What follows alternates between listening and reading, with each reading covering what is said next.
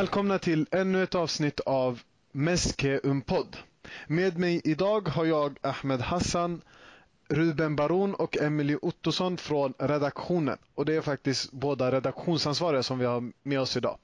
Dessvärre kunde inte Axel, som vanligtvis är med och spelar in podden, inte vara med.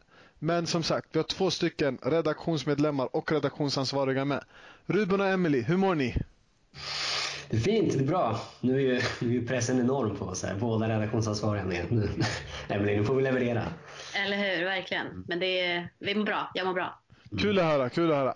Eh, vi går in direkt. Vi börjar. Vi har ju precis kommit tillbaka från ett landslagsuppehåll. Och jag vet inte om ni lyssnade på senaste avsnittet men eh, jag, Axel och Benan var ju ganska överens om att landslagsuppehåll är lite skräp. Alltså det är ett avbrott från den fotboll som man kanske vill se. Sen var det senaste landslagsuppehållet det kanske mest intressanta. Vad tycker ni? Vilka spelare höll ni koll på? Ja, för min del så det var det svårt att inte fokusera på det sydamerikanska eh, kvalet i och med situationen där och i och med att Argentina ju eh, var på väg att missa, eller ja, de var ju faktiskt inte på väg att missa, men det var, det var ändå hyfsat nära att det gick åt helvete där. Men, så man satt upp, och, eller jag satt upp och såg på Argentinas matcher och drog en lättnadens suck eftersom eh, Messi ju avgjorde och Argentina kvalificerade sig till VM. Till slut. Eh, det, det skulle ju varit så jävla tråkigt eh, att, att inte ha Messi i VM. Det, det känner jag att vi alla är liksom hyfsat rörande överens om. Att världens bästa ska ju spela VM, såklart. Ja, det, det håller jag verkligen med om. Och det jag um, har eh, jobbat och slitit så mycket de senaste veckorna så att jag har inte har kunnat vara vaken på nätterna och kolla men ändå följt det liksom när man har vaknat på morgonen och kollat livescore och sådär.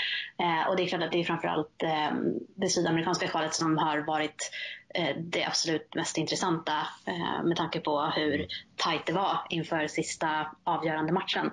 Mm. Och eh, det är klart att ett VM utan Messi hade varit, tycker jag, katastrof. För att eh, det kanske är det sista VM-mästerskapet som han kommer kunna vara med i. Ja, säg inte det alltså. Tänk en 35-årig Messi. Alltså det är ju... på mittfältet, snurrar liksom. Kan inte springa längre. Men nej, Precis, det, kanske önsketänkande. Jag hoppas nej, men det är klart att det är möjligt, men samtidigt så känns det som att ah, ja, det här kan ändå vara sista. Det känns ju framförallt som det sista VMet där han går in i ett VM och är alltjämt bäst i världen. Eh, vid 35 års ålder, vem vet, Messi är Messi, men det, troligt är ju ändå att han inte kommer vara lika dominant då som han är nu. Det, så det är ju, ska han vara den här tydliga härföraren i Argentina och leda Argentina på det sättet till eh, en medalj, en medalj eller ett guld till och med, så då är det ju kanske nu. Men jag tänkte på det också, eh, apropå det sydamerikanska kvalet, och det är ju så jävla... Jag, jag, jag vet inte om du såg Ahmed någonting, men det är så fascinerande med sydamerikansk fotboll, eller sydamerikansk landslagsfotboll i alla fall, att det, det är så otroligt eh, det är så otroligt lite taktik, mycket fysik, väldigt mycket teknik också. Det är väldigt tekniska spelare, men det är så otroligt annorlunda från europeisk eh, fotboll. Det, det är liksom tutas och körs, det, det, det är liksom jätteböljande Hawaii-fotboll. Och i de typerna av matcherna så blir ju Messi det blir otroligt mycket räder och otroligt mycket dribblande medan i, i Barcelona, han dribblar i Barcelona också såklart, men det blir ändå en, en del, han, han blir inte alls den här utpräglade playmakern i Argentina utan där är han liksom ganska mycket den gamla Messi från när han var typ 19 han kör ner huvudet och dribblar liksom, för matchbilden tillåter det. Mm. Jag vet inte om du håller med? Men...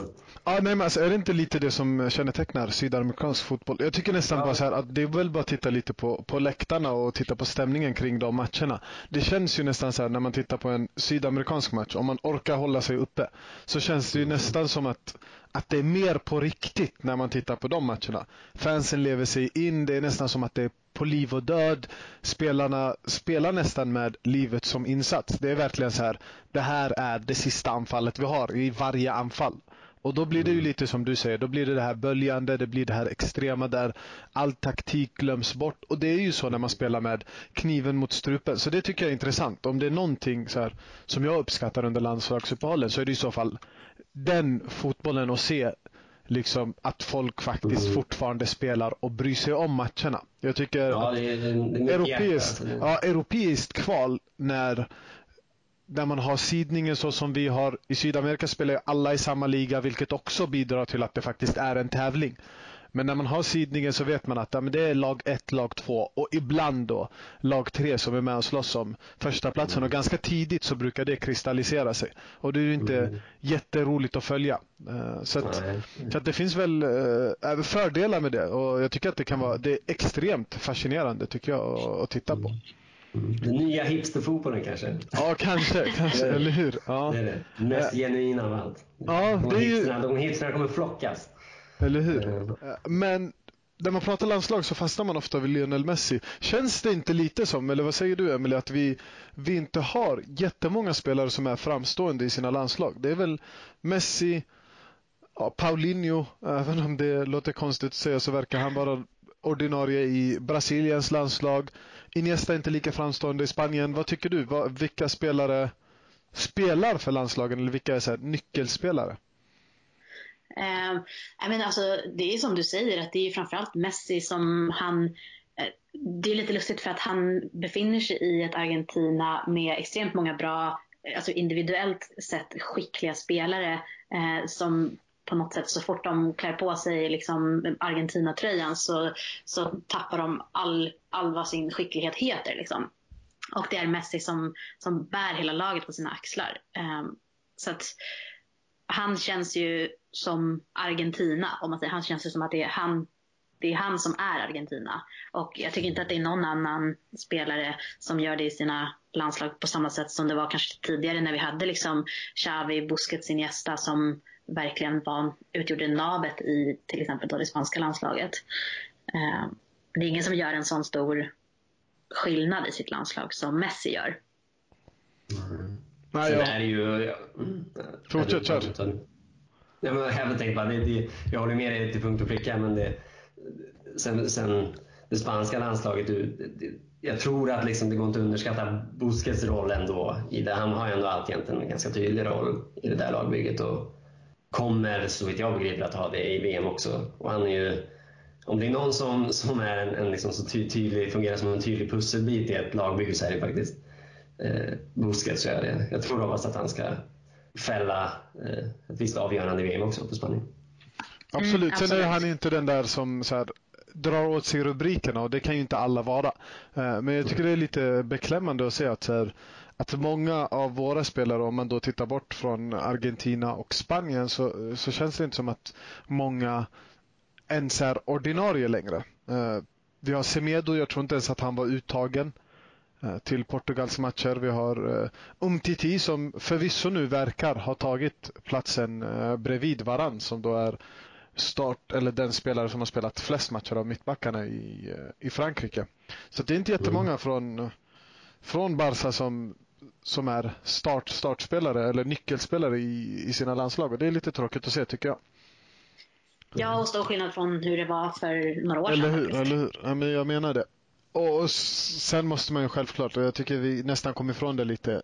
Det är ju helt sjukt hur bra Messi var eh, den senaste matchen. Nu gjorde han ju alla tre mål och då är det lätt att hylla honom. Men alltså när det verkligen gäller och det är det, är det som jag tycker är Messis absoluta styrka. Att så här, det gäller hela landet, sitter och väntar på en fotbollsmatch även om det till slut aldrig var riktigt nära. Argentina ligger under de första minuterna och då är det en person som kliver fram. Och det är få gånger som man faktiskt kan säga så här. Men det är en person som avgjorde matchen. Men jag tycker att för Argentina så är det en person. Det är Lionel Messi. Vad, vad säger du Ruben som ändå nämnde att du var uppe och tittade på matchen? Mm, ja, ja, det är klart man var. Nej, men han är ju, som jag var inne på tidigare, liksom kombinationen att han ensam eh, att han ensam bär det där laget, det i kombination med matchbilden gör att han blir, han är otroligt dominant i de matcherna. Det, han och laget får mycket kritik med detta för att ja, de, är, de är ju ett jävla dåligt kollektiv helt enkelt. Men han, han är ju faktiskt otroligt dominant i landslaget. Även när de har gått bet, vilket de har gjort ofta, och tappat poäng. Han, rent individuellt så är han ofta, ofta än inte väldigt dominant. Så det, man känner ju som, eftersom man, man man har sin del känslor för Messi så känner man ju med honom och lider med honom när det kollektiva inte fungerar samtidigt som han är outstanding. Det, det är en jobbig, jobbig ekvation. Liksom. Ja. ja, alltså kunde han spela fram till sig själv så skulle ju Argentina gå så mycket bättre än vad mm. de gör idag. Eh, men han är ju bara en människa, kan inte befinna sig liksom på två platser samtidigt. Eh, trots att man ju faktiskt tror att han skulle kunna göra det på grund av att han är så extremt eh, bra och verkligen outstanding. Finns ingen som kan jämföras med honom tycker jag. Men, men även som, som Ruben, som du säger, att även när Argentina kanske förlorar eller kryssar så är ju Messi har ju oftast gjort en väldigt bra match och ofta skapat lägen till sina medspelare som de har sumpat. Mm. Och jag tror att vi hade kanske pratat om Messi, eller vi, men, men att liksom fotbollsvärlden hade pratat om Messi på ett helt annat sätt om hans eh, lagkamrater faktiskt inte hade bränt alla de chanserna. Det är bara att kolla senaste liksom, VM, ja, hur vad, liksom, brände Argentina för lägen i finalen. Ja, det, och det, det mönstret finns i Copa, minst Copa America-finalen året efter. Iguain brände, jag tror ett par frilägen i den matchen som ett vanligt utfall, de mötte Chile i finalen då, ska jag säga. Då, ett vanligt utfall på den matchen är att Argentina vinner med 2-0. Eh, alltså, och då har Messi vunnit sitt stora mästerskap och eventuellt då krön, alltså, säkrat sitt eftermäle. Ja. ja, lite grann så. Jag tänker vi pratar om Lionel Messi. Det är värt att nämna att han eh, precis har gått in på sitt trettonde år i eh, Barcelona, eller i A-laget då, eh, för att vara extremt tydlig. Vad är ert bästa Messi-minne? Uff, vill, vill du ta den Emelie? alltså, det finns ju extremt många, men ehm, och utan, jag måste säga att utan att ens ha tänkt igenom det här så det första som kommer till mig som kanske också är mitt absolut eh, ett av de första största minnena som jag har av Messi var den här eh, matchen mot Real Madrid 2007 som, där Messi gjorde hattrick och fixade 3-3 trots att eh, vi fick Oleguer utvisad i var det ja, men precis före halvtid eller efter halv, halv, av halvlek. Jag kommer inte ihåg. Bra minne ändå. Ja, ja, det, är det, verkligen, det har verkligen så fastnat eh, och mm. jag kommer alltid tillbaka till det. Kolla på Youtube och bara, alltså. Det inte var... på Oleguers utvisning då, ska ni säga. Nej, men, eh, men ja, det, det tyckte jag var fantastiskt. Mm.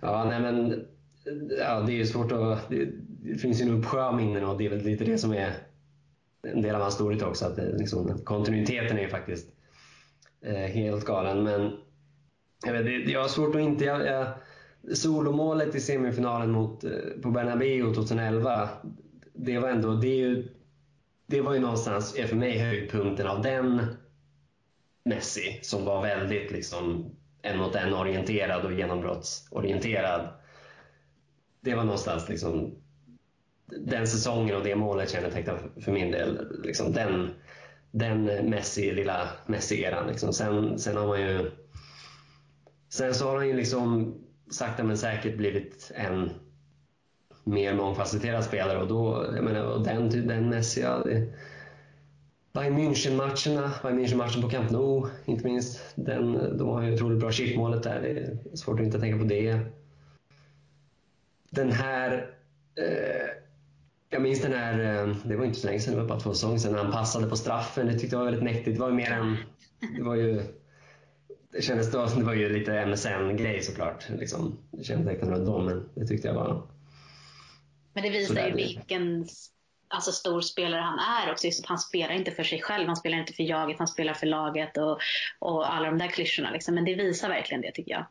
Mm. Ja, nej, jag, jag håller med. Alltså, det är, precis som Emily nämnde så har jag, det starkaste minnet är ju, det var väl den dagen också som han fick sitt stora internationella genombrott. Alla visste väl att det var en supertalang, men just den matchen fick väl upp ögonen för alla andra och det var väl redan från då som, som han började nämnas som en av världens bättre spelare i alla fall. Och då hade vi ju både Ronaldinho och Eto'o i laget och så kommer en 19-årig mm. argentinare som kommer in. Sen minns man såklart det första målet, jag tror att det är mot Albacete va? Eh, som, eh, mm. om det är Ronaldinho som lobbpassar till Lionel Messi som sen lobbar över målvakten. Och eh, det är också ett sånt där som, nu när man tittar tillbaka till det och så det var här sagan Lionel Messi började. Det var här som, som han kom fram. Det, det är, liksom, det är helt sjukt vad man har fått uppleva. Och jag tror på riktigt, det är många gånger man sitter och pratar om det, men jag tror på riktigt att det är svårt att förstå och värdera hans insatser idag med tanke på att mm. man alltid ser honom. Det är någonting som, mm. det har nästan blivit en norm. Man kan gå runt och säga så här, Messi var inte bra i den här matchen och då syftar man kanske på att han gjorde ett mål eller var relativt anonym. Och, och det tror jag är det kommer bli så tydligt när han slutar hur bra han faktiskt var. Den här diskussionen som finns idag. Är han världens bästa genom tiderna? Är han inte världens bästa genom tiderna? Är han bättre än Ronaldo eller inte? Jag tror på riktigt att om tio år så kommer den diskussionen, jag tror inte den kommer finnas. Jag tror, jag tror att vi kommer uppskatta Lionel Messi och han kommer mm. få sitt eftermäle och kunna skörda sina framgångar efter att uh, han har lagt skorna på hyllan. Mm. Och du är inne på den där kontinuiteten också. Det, det får man ju också säga om Ronaldo faktiskt, även om jag, vi alla är överens om att Messi är en mycket bättre fotbollsspelare än Ronaldo. Men, men att de har presterat på den här unikt höga nivån år efter år efter år, det är ju faktiskt, nu har inte, vi såg ju inte Pelé och jag såg inte Maradona i alla fall. Och, men jag har väldigt svårt, så vitt jag begriper så är det ingen annan, inga andra spelare som har haft den kontinuiteten och, och faktiskt presterat så, så bra så länge. Det är ju, inte bara är högsta nivån den högsta, menar jag. Och det, utan det är det faktum att högsta nivån liksom är ständigt förekommande. Det är, det är ju smått fascinerande faktiskt. Ja. Och sen apropå Messi-upplagor också, vi pratar om olika upplagor om Messi. Jag, jag, jag tycker alltså förra säsongen när han single-handedly avgjorde mot, eh, ja, på Bernabéu igen. Det, det var en speciell match och han, det var ju en, en, en, ny, ja, en ny upplaga av Messi också på ja. något sätt. Liksom det att han var så blodig, alltså blodig, liksom, blodig och aldrig någonsin har han varit en lika tydlig härförare i Barcelona som då. Och det fanns ju något, han, gör, han är ju liksom den här det, det är ju, man är ju inte den första att beskriva honom på det sättet, men han är ju liksom, nästan robotlik i sina prestationer och att han varit så in, in, alltså inåtriktad. Och det fanns ju något, något eh, något eh, superhjälteaktigt med den insatsen. Som, som var nytt, tyckte jag. Mm. Kan han ja. vinna Guldbollen då? Om vi, om vi försöker föra diskussionen framåt lite. Vad, vad tror vi? Har han chans i år? Alltså, jag skulle vilja bara säga först och främst, vem fan bryr sig? Alltså ärligt, jag är så trött på mm. allt det här snacket med Guldbollen och liksom att, eh, att det på något sätt ska eh, definiera vem som är den bästa fotbollsspelaren i världen. Och, nej, alltså jag, jag bara kräks på de här diskussionerna eh, och med det sagt så tycker jag att Messi ska vinna varje år. ja, men, men vad bra att du, att du säger det sådär. Jag är ju lite inne på ditt spår. Jag tycker så här, ska man bedöma då efter, efter titlar och efter vem som vann det största mästerskapet och så, då tycker jag att Guldbollen, då blir den lite löjlig. Det, det, är liksom så här, det finns ingen vits med att belöna någon som redan har tagit sina troféer för att de har vunnit en serie eller så. För Det är två saker man behöver dela på. Är det den bästa spelaren man ska bedöma, ja, men då behöver man ju titta på lagspel, man behöver titta på prestation överlag.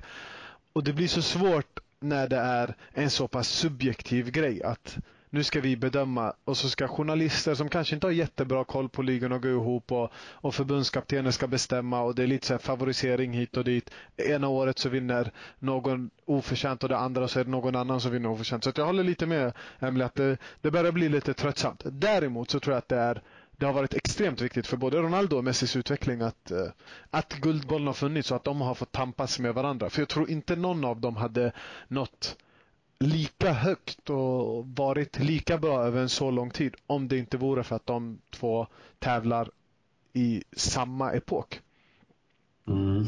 Alltså, alltså, tror du, förlåt, men tror du att de Alltså, tror du att Messi bryr sig så mycket? Att Ronaldo bryr sig, det vet vi. Eh, men tror du att Messi bryr sig så mycket Alltså, om att vinna guldbollen. Är det det han går och tänker på? Liksom, om den här säsongen så vill jag vinna den där guldbollen. Jag tror, jag tror inte så direkt guldbollen eller inte. Det tror jag inte spelar. Alltså, det tror jag faktiskt inte spelar Messi någon roll alls. Men jag tror definitivt att han sporras av att det finns en fotbollsspelare som, som nämns i samma sammanhang eller att, att han vill vara bäst. Det tror jag ändå så här, det tror jag att Messi vill vara. Sen tror jag inte att han bryr sig om individuella utmärkelser på det sättet.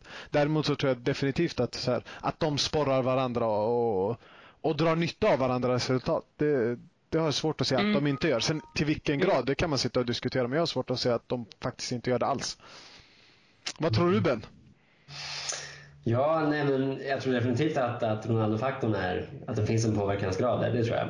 Men sen, sen håller jag, bara för att i protokollet, att jag håller med angående pris. Det är som i de flesta priser, folk, alltså, folk vänder kappan efter vinden och det, det, liksom det, det, det känns som att det, det har devalverats rejält, det här Guldbollen-priset på något sätt i takt med att Messi och Ronaldo bara får hela tiden. Och, det. och jag tror inte, apropå det, det du sa innan Ahmed, apropå Messis eftermäle och vad vi kommer säga om honom om när han har slutat, så jag tror inte att folk kommer räkna guldbollar nej, det, i särskilt stor nej. Ut, ja. utsträckning när man, när man liksom ser tillbaka på Messi. Utan, sen tror jag till exempel att eh, alltså jag tror att de kollektiva, de kollektiva priserna väger ju och kommer ju med facit i hand att väga mycket större. Skulle Messi till exempel vinna få sitt VM då, då är, finns det ju det är ju ändå ett väldigt många har det som argument att, att han, han, inte kan betraktas som den största någonsin eh, som han inte har ett VM och det kan man ju tycka vad man vill om. Men, så jag tror finns det någon, någon sorts eh, någon sorts morot så är det väl VM vid det här laget. Liksom, eftersom han har vunnit så mycket och eh, uppnått det han har uppnått. Ja, men odiskuta- vinner han VM så är det ju odiskutabelt den bästa spelaren genom tiderna för nästan allihopa. Så, så kommer det så här. kommer att hävda. Nej. Alltså, kommer det inte att vara. Ja, alltså, jag, alltså först, kan man inte erkänna det då? Jag blir nästan lite upprörd nu när jag bara sitter och pratar om att vi, så här, hypotetiskt sett vinner Lionel Messi. Då, då har jag svårt att se vad man ska komma med för argument. Eh, däremot så tycker jag så här, personligen så tycker jag inte att det är så här, Det är klart att det är någonting som kan väga lite så här i det positiva. Men jag tycker inte att det ska vara en parameter för när man ska göra bedömning om vem hade den bästa eller absolut högsta högsta nivån och vem var den bästa lagspelaren. Det är klart så här, det är omöjligt för någon från Ungern att vara lika bra eller Zlatan som är från Sverige att han ska sitta och bedöma sitt historiskt sammanhang på landslagsnivå. Det blir lite svårt att göra faktiskt. Vi ska inte fastna allt för mycket i Lionel Messi, även om det är väldigt enkelt att göra det. Jag tänker att vi ska prata lite om ledningen. Det har ju skett eh, lite omstrukturering. Eh, det, är, eller det känns som att det alltid, ja, var, eh, var sjätte månad ungefär, så är det någon som försvinner, någon annan som dyker upp, något nytt namn. Va, vad säger ni?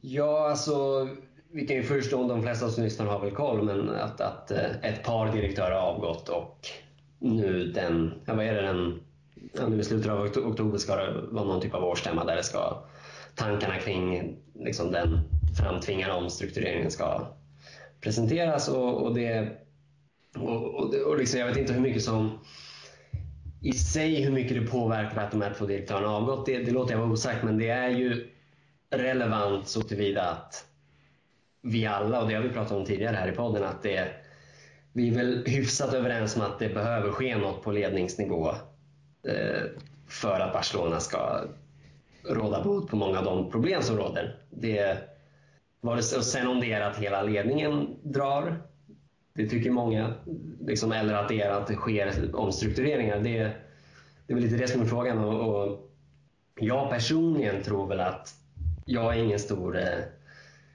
eh, stor försvarare av Bartomeu såklart. Det är väl ingen som är i nuläget, men jag tror väl ändå att en ny tydlig kompetent sportchef till exempelvis skulle kunna råda bot på väldigt mycket.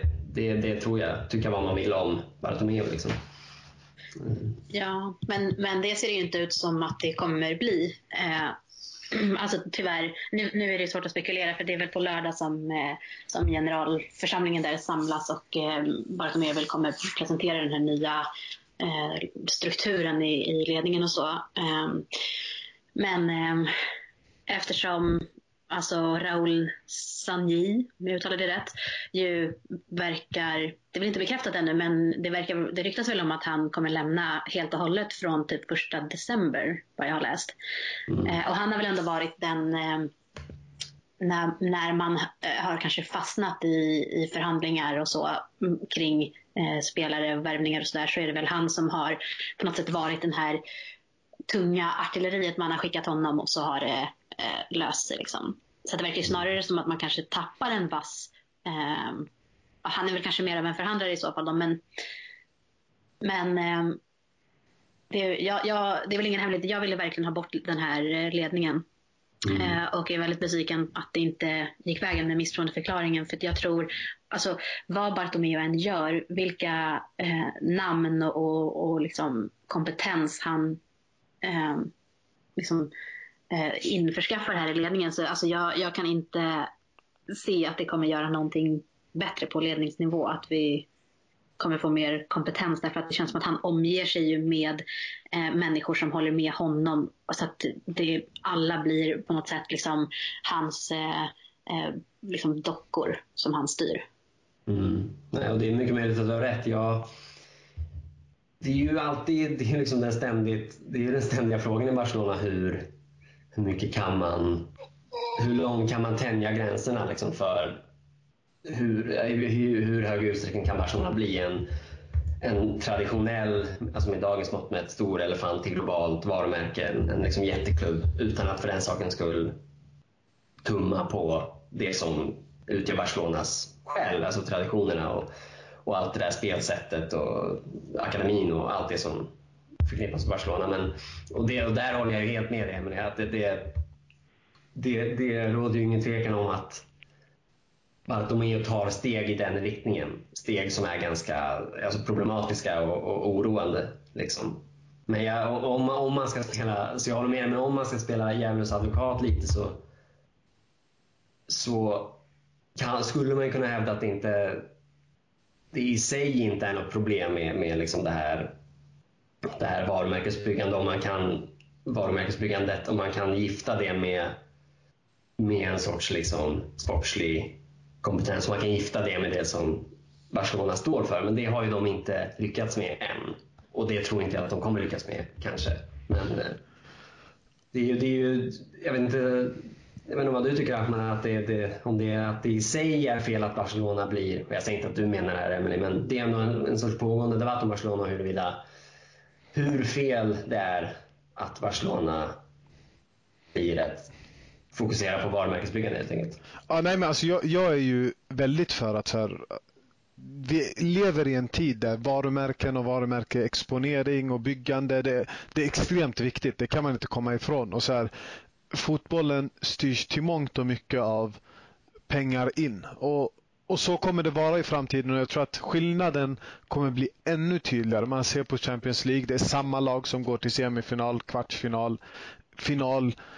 Och jag tror att skillnaden kommer bli större och större ju längre man går och sen till slut så tror jag att om fem, tio år då kanske vi sitter och diskuterar en superliga istället. För i slutet av dagen så är det precis som alla andra verksamheter eller en bransch som alla branscher som drivs, alla branscher drivs av pengar. Och kommer pengar inte in, ja då kan då kommer branschen inte fortsätta leva. Så att någonstans så tror jag att eh, det är nyttigt att Barcelona växer som varumärke. Sen behöver man ju så här, man behöver ju tänka på vad är det som har fått så många att faktiskt gilla Barcelona i första hand. Och då, då kanske man kommer tillbaka till att många, i alla fall av den äldre generationen Barca-supportrar, började ju tycka om Barcelona för för det de stod för. Det, det var allting från självständighetskampen till att man är mer än bara en klubb och man skulle inte bete sig som alla andra och man har ett spelsätt som inte liknar alla andra. Den fina fotbollen mm. gick före. Man, man tog en tydlig branding, uh, om man pratar i företagsspråk,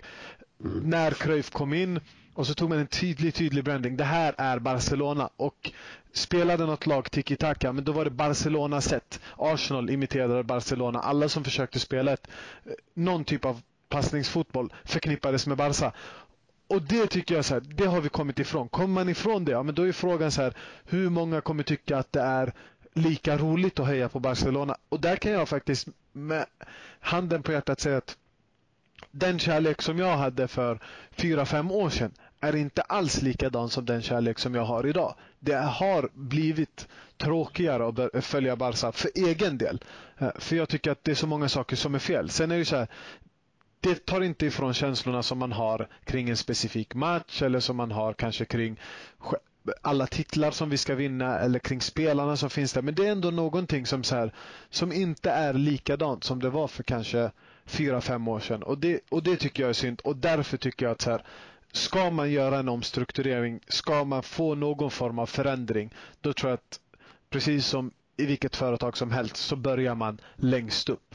Det måste börja men ledningen. Det är de som sätter strukturen för hur alla andra jobbar. Och har vi inte en ledning som vill åt samma håll eller som kan tänka sig att kompromissa med de bitar som i alla fall jag tycker är viktiga, men då tror jag att, då tror jag att det blir svårt. Mm. Nej men eh, precis, och frågan är väl om, kan jag tycka den relevanta frågeställningen är väl om huruvida de har gått över gränsen för det vi pratar om. Det finns ju en gräns och, och då, då nästa frågeställning blir då var går den gränsen för hur långt ifrån de kan förflytta sig från det Barcelona står för, det du pratar om Ahmed. Liksom det man, de originalvärderingarna så att säga. Och, eh, och det, det frågar du mig personligen så tycker jag, ta en sak som, eh, som eh, det ryktas om att Camp Nou ska få ett nytt namn. Mm.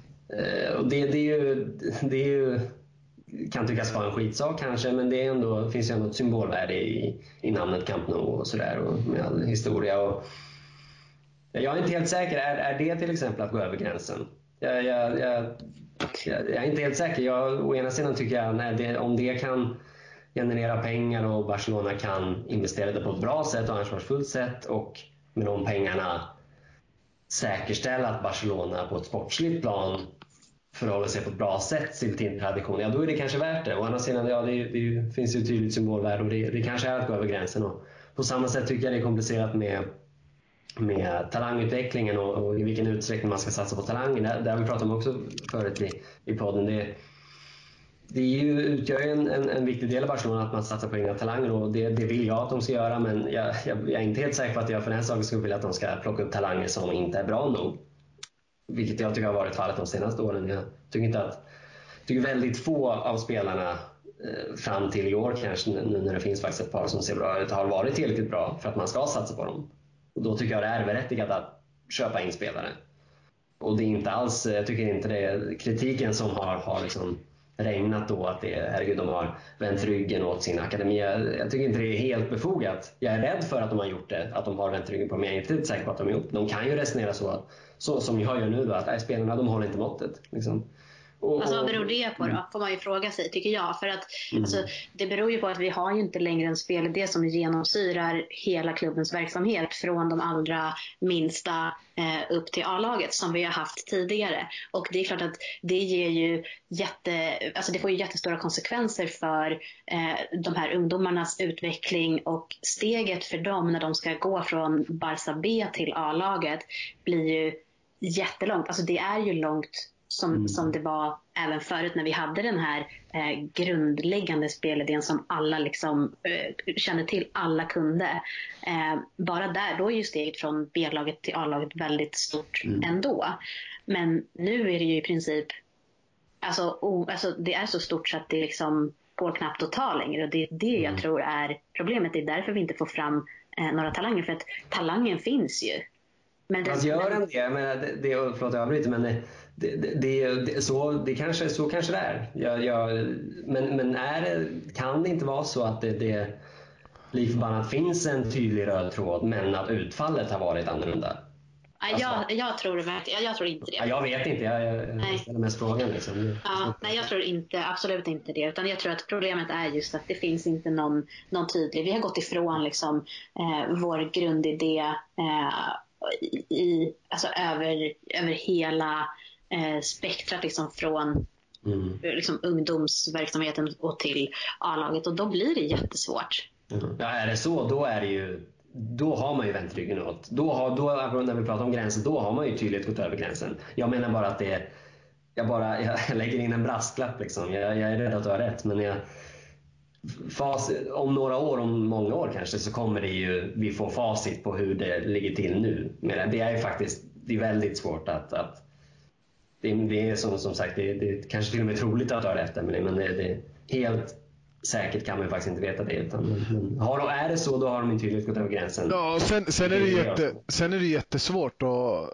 Alltså så här, jag tror att problemet, jag tror inte att det är så svart och vitt som, som man kanske tror att det är. Det, dels är det ju så, jag tror definitivt på det du säger Emelie, att så här, någonstans har vi kanske gått ifrån det som vi gjorde bra över en längre period under 2000-talet.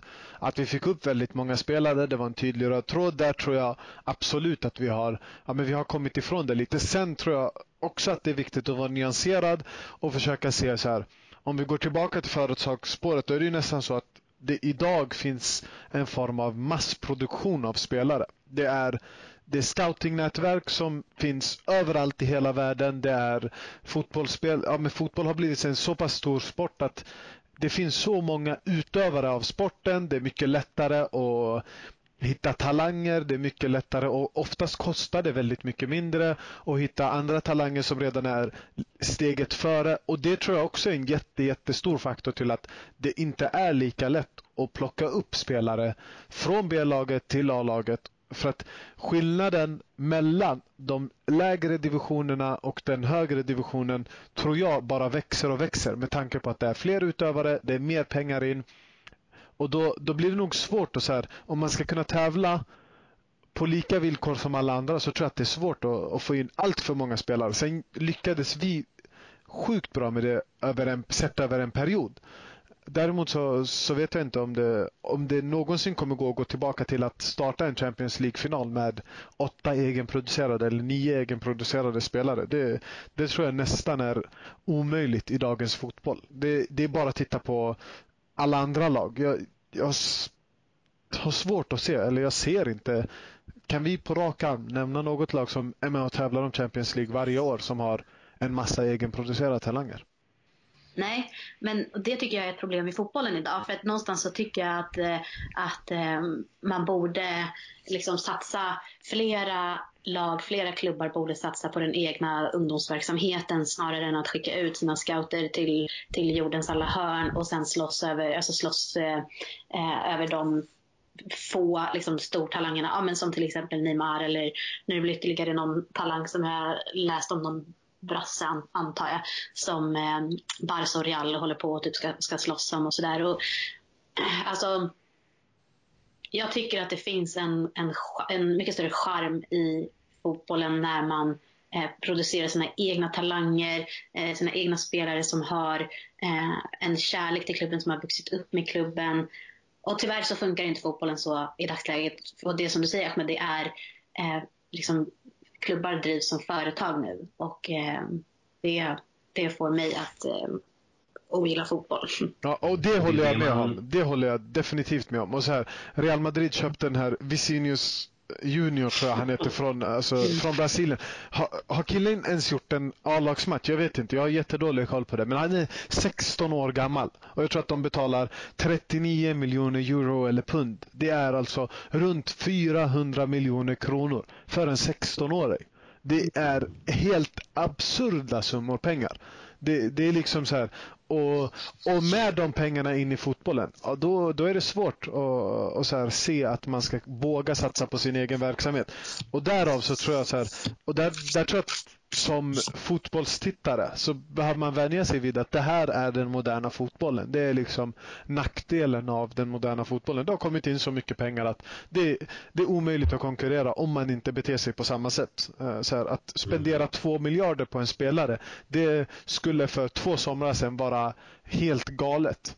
Nu är det så här, nu pratar man om Lukaku för 700 miljoner som ett fynd. Dembélé för en miljard, kanske om två år är så här supernormalt. Hur fick vi Dembélé för en miljard? Ja, han var 20 år gammal, hade knappt gjort någonting. Borde kanske gått för 200-300.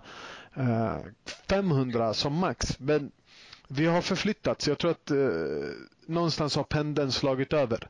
Innan så var det väl fotbollen var väl en del av det var folkets sport. Nu börjar det bli så att det precis som allt annat som är väldigt populärt är pengarnas sport.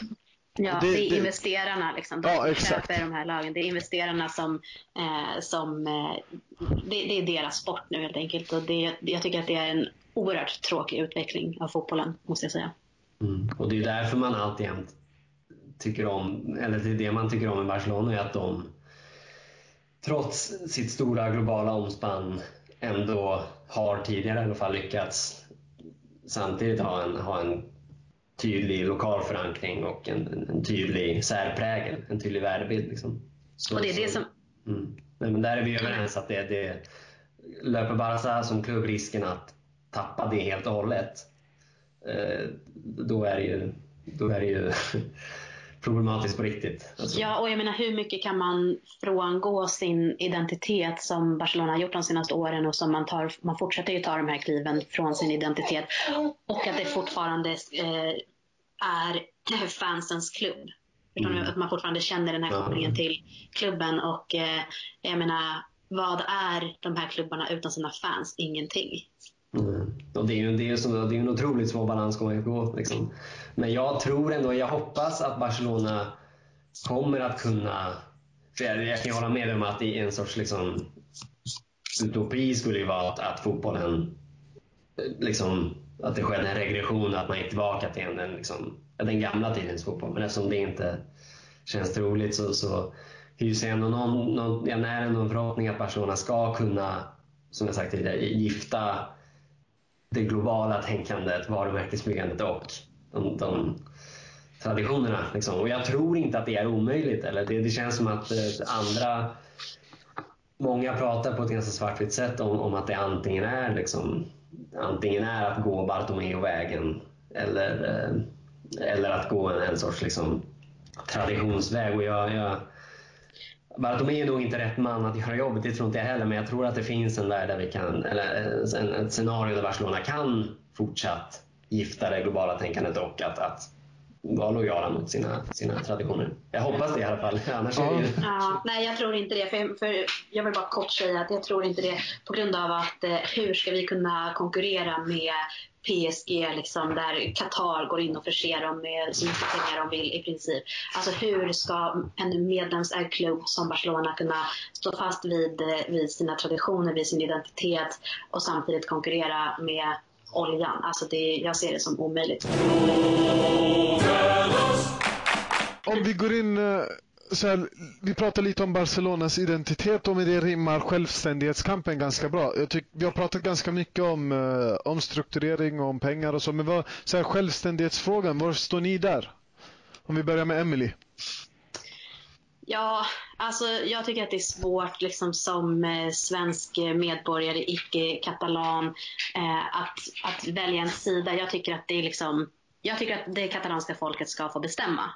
Eh, röstar man för att eh, bli självständiga så tycker jag att man ska eh, tillåtas att bli det. Jag förstår problematiken och allt liksom, det här politiska spelet bakom. Eh, men jag känner inte att, att jag liksom, som sitter här i mellanmjölkens land kan sitta och säga att jag är för eller emot självständighet. Utan jag tycker att det är upp till det katalanska folket att bestämma det. Och jag tycker att de har sagt eh, tydligt vad de vill. Ja, precis. Jag vill, precis. Det har ju blivit en sorts fråga om eh, demokrati snarare än om är man pro eller emot självständighet. Liksom. Och i den frågan är, är man ju ganska tydligt för att, eller jag i alla fall, tydligt för att de ska, precis som du säger, få bestämma det. Liksom. Det känns ju som en demokratisk rättighet faktiskt. Och märkligt av den, den centralmakten att de inte tillåter dem att rösta. Det, det, det, känns ju kontraproduktivt. Vilket också har visat sig vara. Det, det har ju fungerat som vatten på separatisternas kvarn. Liksom, att de inte har fått rösta. Så, så det är ett märkligt, märkligt beslut av centralmakten kan jag tycka. Sen, sen, sen jag, jag, ska inte drö, liksom, dröja vid det politiska men, men jag, jag tycker väl ändå att det, det jag vet inte hur så vitt jag begriper så, så, finns det ju inte en jättetydlig, nu, nu var resultatet tydligt ja, men, så, men, men att det, det, finns ju inte en tydlig majoritet för att bli Eh, självständiga som så få röstade i valet. Det, det, och då tycker jag det är märkligt att Puigdemont, eh, alltså statschefen i Katalonien, att han så tydligt går ut och eh, så, så högljutt hävdar att det, det finns det och att han ska, ska utropa självständighet, vilket han ju kanske inte alls kommer göra, vem vet. Men jag tycker att det finns en sorts... Den ekvationen går inte riktigt ihop i mitt huvud. Att, att det, för som sagt, så vitt jag begriper finns det inte en jättestor majoritet som är för självständighet. Nej, alltså utifrån valet så, så, fanns det ju, så är det ju inte det med tanke på att det var eh, typ 40, var det 42 procent av alla ja, precis, som röstade. Så han har ju inte majoritet hos folket. Han har eh, en jättestor majoritet hos de som röstade. Mm, eh, vilket kanske är på grund av då att de som är för självständighet är mer benägna att rösta i en omröstning som rör självständighet än de som inte, eh, eller de som kanske inte bryr sig eller är emot det. Ja, de röstar inte för att de inte vill legitimera valet, så, så enkelt är det. Och då tycker jag det är jättemärkligt att, att den katalanska då, regeringen då är, är så, är så, är så Alltså jag förstår inte riktigt, jag förstår inte, jag förstår inte mig på retoriken riktigt. Det, det, det är liksom att be om, det känns som att det, det det i sig kommer ge upphov till ännu mer kaos eh, i Katalonien, inte då i förhållande till centralmakten, det också, men, men även inrikes så att säga kommer det bli ännu mer kaos. Ja, nej, men jag som själv kommer så här, från en bakgrund där så här, mitt land är väldigt splittrat i flera olika folkslag och alla vill claima något område. Tycker inte så här, alltså, så här, personligen så tycker jag att all form av uppdelning, sen kan jag aldrig prata för någon annan och jag själv är både född och uppvuxen i Sverige så jag är inte jätteinblandad. Men så här, all form av uppdelning tycker jag inte är jättebra. Så här, att dela upp ett land i fyra, fem delar. Jag tror att det kommer ut så mycket mer dåligt ifrån det än att det skulle komma ut massa bra eller blomstra ut någonting bra. Sen är jag jättedåligt insatt uh, i den katalanska själv, självständighetskampen så det vill jag inte uttala mig om. Men där, där kan jag tycka att så här, agerar man självständigt och får något form av styre men fortfarande tillhör Spanien, är det en lösning eller inte? Och som sagt, att vi ska sitta och diskutera politik här, det, det är inte jätteviktigt kanske.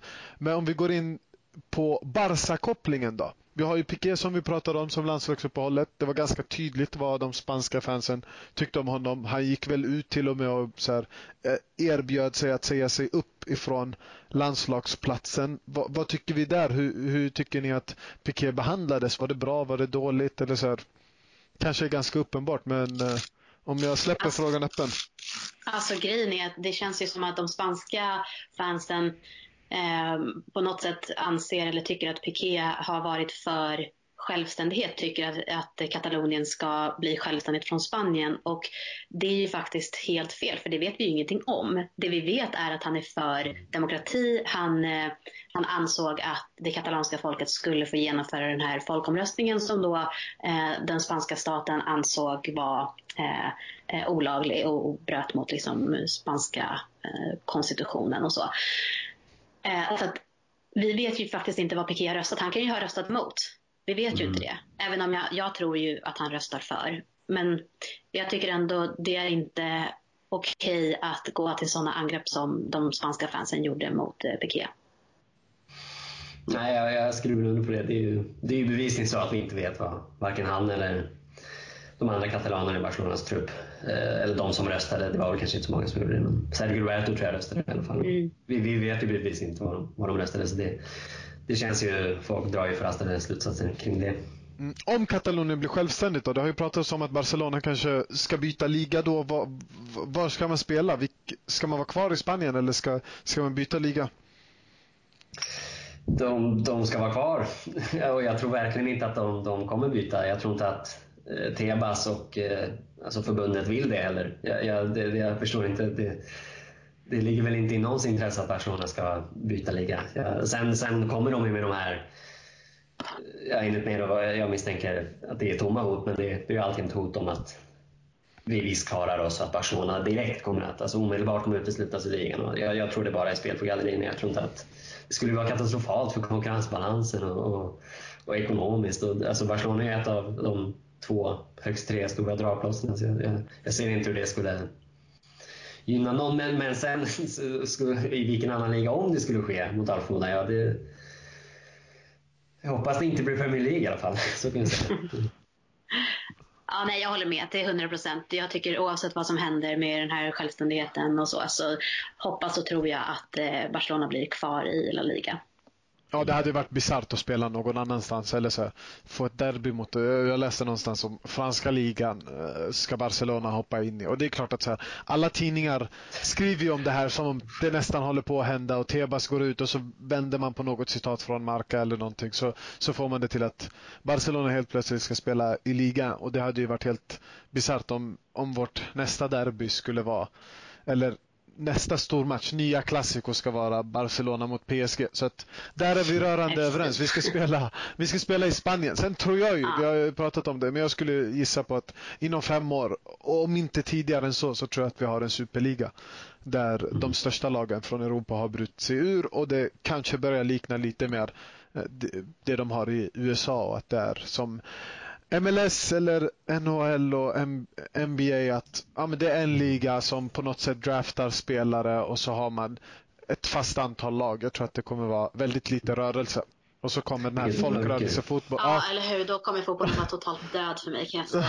Det, om det händer alltså. Ja, det vore fruktansvärt. Jag tror, jag tror att det, alltså, så som den eh, ekonomiska sidan av fotbollen utvecklas så tror jag att det är ofrånkomligt att vi någon gång kommer se det. Och det kan man ju säga så här. Allting blir mer och mer jippoaktigt. Allting blir mer och mer av ett evenemang än en fotbollsmatch. Och det, mm. och det tror jag så här i slutet. Men det kan vi komma till någon annan gång. Jag tänker att vi ska prata lite om våra konkurrenter innan vi avslutar med en övrig del. Madridlagen uh, går ju relativt bra. Om vi börjar med Atletico. Vad, vad, hur tycker ni att deras säsong har startat och vad tror ni om deras chanser i ligan? Eh, ja, jag tycker att de ser bra ut. De, de, de har ju inlett lite knackigt i Champions League, men jag tycker att Atletico ser, ser rätt så starka ut. Jag, jag, jag tycker att, eh, samma sak skulle jag kunna säga om Real. De, de startar knackigt, men jag tycker, de, jag tycker ändå de marginalerna har gått emot dem. Jag, jag, jag skulle inte räkna bort Madrid. Det tror jag inte ni gör heller, men jag, jag, jag skulle definitivt inte räkna bort något av Madrid-lagen från ligaracet. Eh, på samma sätt som jag inte är helt övertygad om att Barcelona är så bra som ligainledningen har eh, skvallrat om. Eh, riktigt. Liksom. Men nej, jag, jag och Atletico får ju kosta och vad heter han nu, mittfältaren från Sevilla? Eh, Vitolo, eller? Vitolo, exakt. Som jag tycker är väldigt bra. Och, ja, de kommer ju varva upp. Ja, oh, shit vilka förstärkningar. Mm. Eh, efter, i, i, alltså i januari. Håller sig Atletico kvar i Champions League? Nu har de börjat lite knackigt som du nämnde där. Håller de sig kvar i Champions League och klämmer sig före Chelsea eller Roma? Då tror jag verkligen att det blir en kandidat att räkna med. Tänk er Griezmann och Costa på topp. En person som faktiskt kan frigöra lite ytor eh, för Griezmann är ju Diego Costa och så får man in Vitolo som jag tycker är en klassspelare faktiskt. Eh, mm. Extremt, extremt intressant att se vad Simeone kan göra. Mm. Vad säger du Emily? Avskriver du något jag... av lagen? Inte alls. Absolut inte. Eh, och det är också som Ruben är inne på tycker jag att eh, eh, vi, Barcelona har ju börjat inlett säsongen eh, kanske på ett bättre sätt än det speglar kanske inte riktigt laget. Laget är inte så bra som resultaten har gett sken av, tycker jag. Eh, för att det har, eh, vi har varit extremt beroende av Messi. Det är han som egentligen har, har burit Barcelona i samtliga matcher som vi, som vi har spelat. Um, så um, Nej, visst. Eh, både, eh, båda Madridlagen har startat lite knackigt och eh, eh, ligger absolut... Barca har ett, vi har ett bra liksom, försprång, men eh, det är inte över på långa vägar. Jag tänker att vi ska prata lite om Atletico-matchen eh, nu. Och se, matchen slutade ju som ni vet 1-1 och Barcelona gör lite som kännetecknar dem det här, det som kännetecknar dem det här året, att man har en typ en ganska usel första halvlek, eller det är en rätt usel första halvlek och sen så kommer man ut och är ett helt annat lag. Vad är era intryck av matchen, om vi börjar där? Eh, att det var en, en match som på en och samma gång var ett kvitto på att Barcelona dels har rått bot på väldigt många av, eller Valverde har rått bot på många av de problem som fanns i fjol men, men, samtidigt ett kvitto på att Barcelona inte är så riktigt så bra som säsongsinledningen har skvallrat om. Resultaten i alla fall. Jag, jag tycker att jag tycker att det, det, för att börja med positivt, jag tycker att det är tydligt att vi har återtagit kontrollen på mittfältet. Och det på grund av, eller tack vare, Valverdes lilla taktiska justering där att vi överbefolkar mittfältet och det har vi pratat om tidigare men den taktiska detaljen funkar ju bevisligen. Eh, och det i kombination med att vi, vi Valverde tar ut rätt spelare eller oftare tar ut rätt spelare på mittfältet. Det, det, det, det, det ser riktigt bra ut. Sen återstår ju eh, alltid en frågetecken kring offensiven och, jag, och där har vi också varit inne på tidigare i podden. Men att det, det, jag tycker det finns ett li, lite för litet mått av genombrottsstyrka offensivt och det tycker jag det, det, blir ändå, hur bra vi än var mot Atletico under delar av matchen så, så det blir lite för handbollsspelande och det blir lite, lite för mycket inlägg, lite för mycket genombrott. Och det, är, det kommer att det kommer eventuellt att bita oss i svansen längre fram i säsongen, tror jag. Så bra och dåligt på en och samma gång, ser jag. Mm, jag håller med. Och eh, det som, som man kanske kan framförallt peka på som Valverde har gjort bra tycker jag, eh, som du är inne på, att vi har mer kontroll på matcherna nu. Eh, vi, vi, släppte förvisso till en del chanser mot Atletico i början av matchen där. Eh, men, eh, men sen tycker jag att vi har ändå väldigt bra kontroll på, eh, på hela matchen. Eh, alltså framför allt i andra halvlek. Och det känns som att vi är ett mycket mer kompakt eh, lag nu med liksom, eh, spelarna tar positioner på ett helt annat sätt. Eh, de befinner sig närmare varandra och eh, det gör det ju svårare för motståndarna såklart att, eh, att komma igenom. Eh, jämfört med hur det såg ut under Luis Enrique när det verkligen bara var ja, det var elva höns som sprang omkring. Liksom. Så att jag gillar det här lite mer kompakta.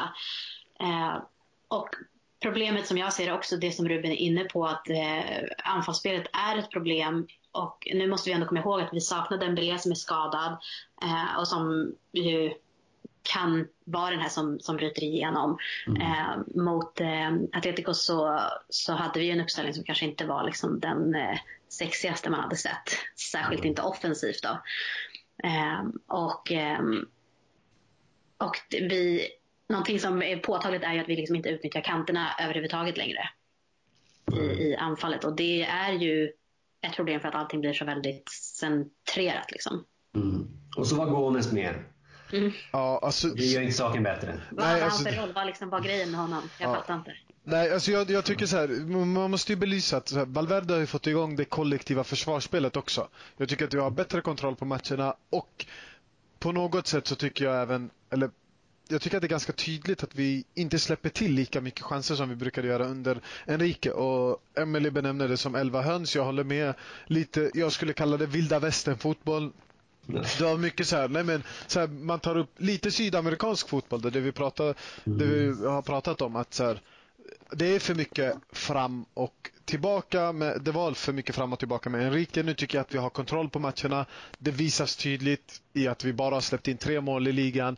Däremot så, så är det lite som ni säger, man märker ändå att, att det är det är lite skillnad på det Barca man har vant sig vid och det Barca som finns idag.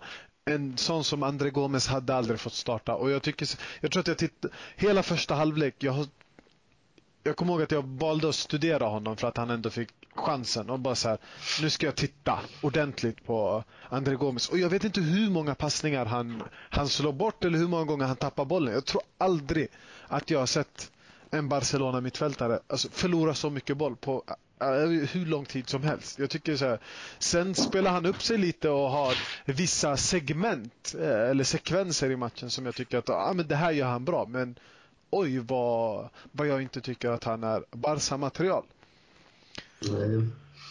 Det, det, är bara att, det är bara att stämma in i, i Ja, man, men man blir nästan lite, lite ledsen. Jag tänker så här, startuppställningen. Suarez har ju varit på tapeten ganska länge. Vad tycker ni, vad tycker ni om Suarez insats? Jättedålig.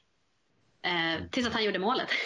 Nej, men jag klagade på honom hela matchen. Jag var helt galen på honom. Eh, men sen så, så gjorde han ju målet, alltså kvitteringen där och eh, ja, cred till honom. Men ärligt talat, sätt honom på bänken, operera honom, gör vad som helst men starta honom inte igen på ett tag.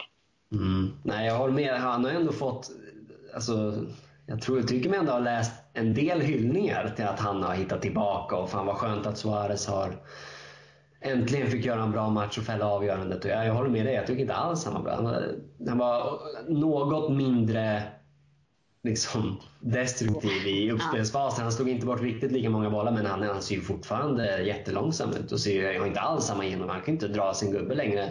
Eller snarare buffla sig förbi sin gubbe längre alls. Han, han, han, han är ju helt och hållet trubbig vad gäller när han går framåt. Alltså, sen, sen är det klart att han är målfarlig lika fullt men och vi har ju ingen ersättare av rang. Jag, menar, jag tycker han, trots allt går han fortfarande före Paco.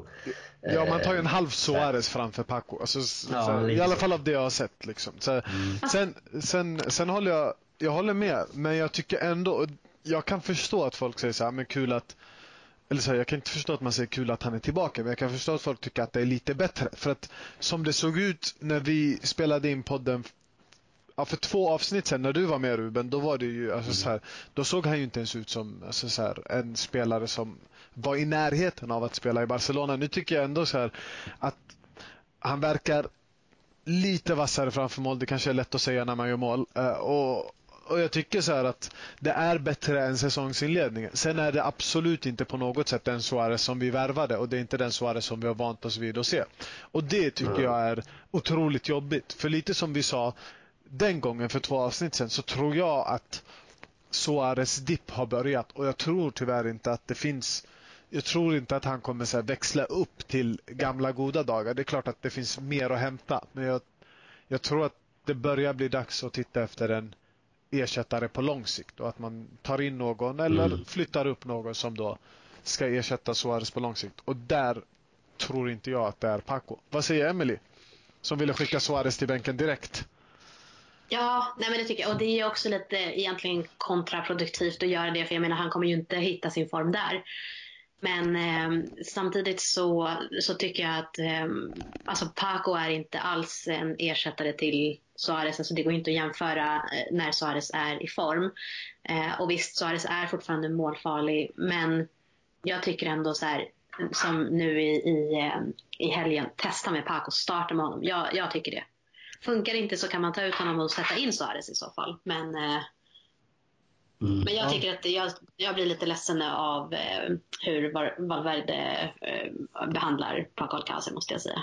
Men vad, alltså förlåt, jag, jag vill bara fråga så här, vad, vad, är Paco bra på? För jag, jag har liksom så här, jag har aldrig fastnat för Paco. Jag tycker, ty, så här, och det kan låta extremt hårt, men jag tycker att han så det hade inte varit någon skillnad på att ha kvar Monir och låta Paco spela. Jag vet inte vad, vad, vad ser ni? Har ni sett, har ni sett eh, alltså, så någon storhet eller någonting i Paco där som antyder att han är tillräckligt bra för att starta? Alltså han, han är ju en okej okay avslutare. Det, det var han ju i Valencia och det är han fortfarande. Hyfsat bra han är en okej Ja, men det har han ju trots allt. Ja. Alltså, sen håller jag med dig, jag håller, håller honom väldigt lågt. Men, men sen kan jag med det sagt även hålla med Emelie att det fan ska, om det är någon gång man ska ge honom chansen och är det någon gång Suarez ska bänka så är det faktiskt nu. Det, det, det, ja. det, är inte lätt att, att heta Paco Alcacer. Liksom. Nej, jag förstår. Ja. men det känns inte som att han kan göra det sämre än Suarez nu riktigt heller. Utan, alltså, även om vi, vi slänger in Paco så det kommer inte bli sämre. För att jag tycker att Suarez har, är liksom så, i så usel form och har varit det under så lång tid nu att, eh, att det, liksom, det kan inte bli sämre. Ja, det är intressant. Det är intressant. Jag tänker att vi ska prata lite om uh, varför Barcelona, eller jag tycker jag upplever, jag vet inte om ni upplever det också, att, att vi, vi är mycket bättre i andra halvleken och framförallt i slutskedet av matcherna. Va, va, vad tror ni att det beror på? Eller håller ni med för, för det första? Ja. Mm. Eh, ja. Väldigt länge. Mm. mm. Och vad, vad, tror ni att, eh, vad tror ni att det beror på? Jag har ju en teori, jag vet att du pratade om det Ruben tidigare, att, att vi har blivit bättre på mittfältet leder ju också till att, och att det kollektiva försvarsspelet har blivit bättre leder ju till att våra motståndare kanske är tröttare i matcherna. Med Lucho tycker jag att vi tappade det här att vi, får, vi tröttar ut motståndaren. Där var det ganska jämnt i bollinnehav. Det var lika mycket press från båda lagens sida. Vi jagade lika mycket boll. Nu har vi 80, eller inte 80 procent, men 60-70 procents bollinnehav och det är ganska bra bollinnehav också. Vi förflyttar lagdelarna. Vi tvingar motståndarna att röra på sig. Är det det som leder till att mm. alla lagen inte orkar med Barcelona i 90 minuter. Ja, precis. Det, så är det ju. Allt pekar på det. Det, det, det, det, det säger väl sig själv på något sätt. Som du säger, att det, det, lag tröttas ut om vi trillar boll tillräckligt bra och mycket. Och, och det är också, det, det, inte bara blir de uttröttade. De, de, de får, du pratade tidigare om, om, att vi inte släpper till chanser lika mycket. Och det är ju effekten av ett, som du säger, ett, ett mer stabilt fungerande kollektivt mittfält. Vi, vi, motståndarlagen får inte belöning för sin höga press och faller då ner lägre eftersom de inte får belöning och de vill inte blotta sig bakåt och då är, blir effekten att vi kan nöta ner dem som vi tidigare har gjort. Liksom. Och då, då, då, då är det ju naturligt att det, det smäller i andra halvlek. Liksom. Mm. Ja. Jo, alltså jag håller med om det ni säger, men, men jag tycker också att eh, Barca liksom generellt överlag under väldigt lång tid har varit lite trögstartade i första halvlek. Alltså att det är lite ett, någonting som kännetecknar laget. Mm. Ja, ja, kanske. Det, det är märkligt. Det, du har alltså, nog rätt. Alltså, jag, det, jag tycker att det är sällan som, det verkligen, som man verkligen så här rivstartar matcher. Mm. Eh, och, och liksom håller upp eh, en intensitet från början, direkt i matchen. Och jag menar, det, det kan ju också vara så att man, man kan helt enkelt inte göra det på grund av att det är, man spelar så många matcher och rent fysiskt liksom så, så orkar inte spelarnas kroppar. Men, eh, men tycker du att det var så under Pep också, eller? Det är väl svårt att jämföra med Pep kanske för att där var det ju Ja, då kanske man är, ja. För jag tittade ju lite så, här, så för att sätta lite i perspektiv. Jag tittade på Citys första halvlek mot Napoli eh, i tisdags.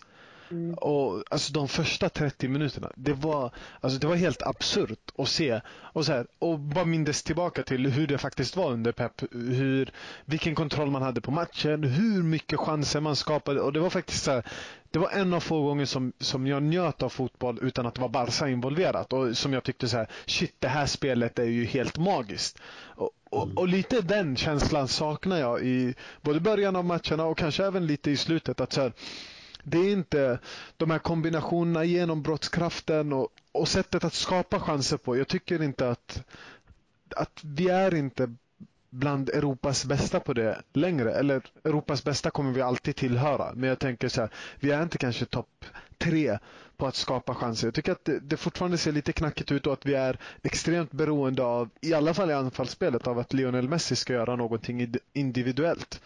Och det, det tycker jag är lite läskigt inför framtiden och så här, inför avgörande Champions League-matcher så tror jag inte att det håller. Där tror jag att där behövs det göras någonting.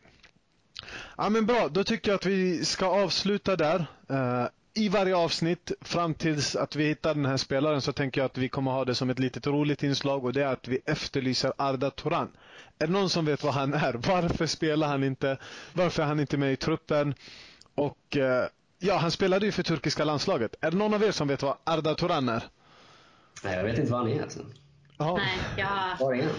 Ja, det, det, ja, men då, då tycker jag att vi avslutar med det. Arda Turan, om det är någon av er som har sett Arda Turan, eh, tagga oss gärna på, eh, på Twitter eller någonting. Ahmed Hassan heter jag där också. Skicka någonting till mig för jag vill verkligen veta var, var han är och varför han inte spelar.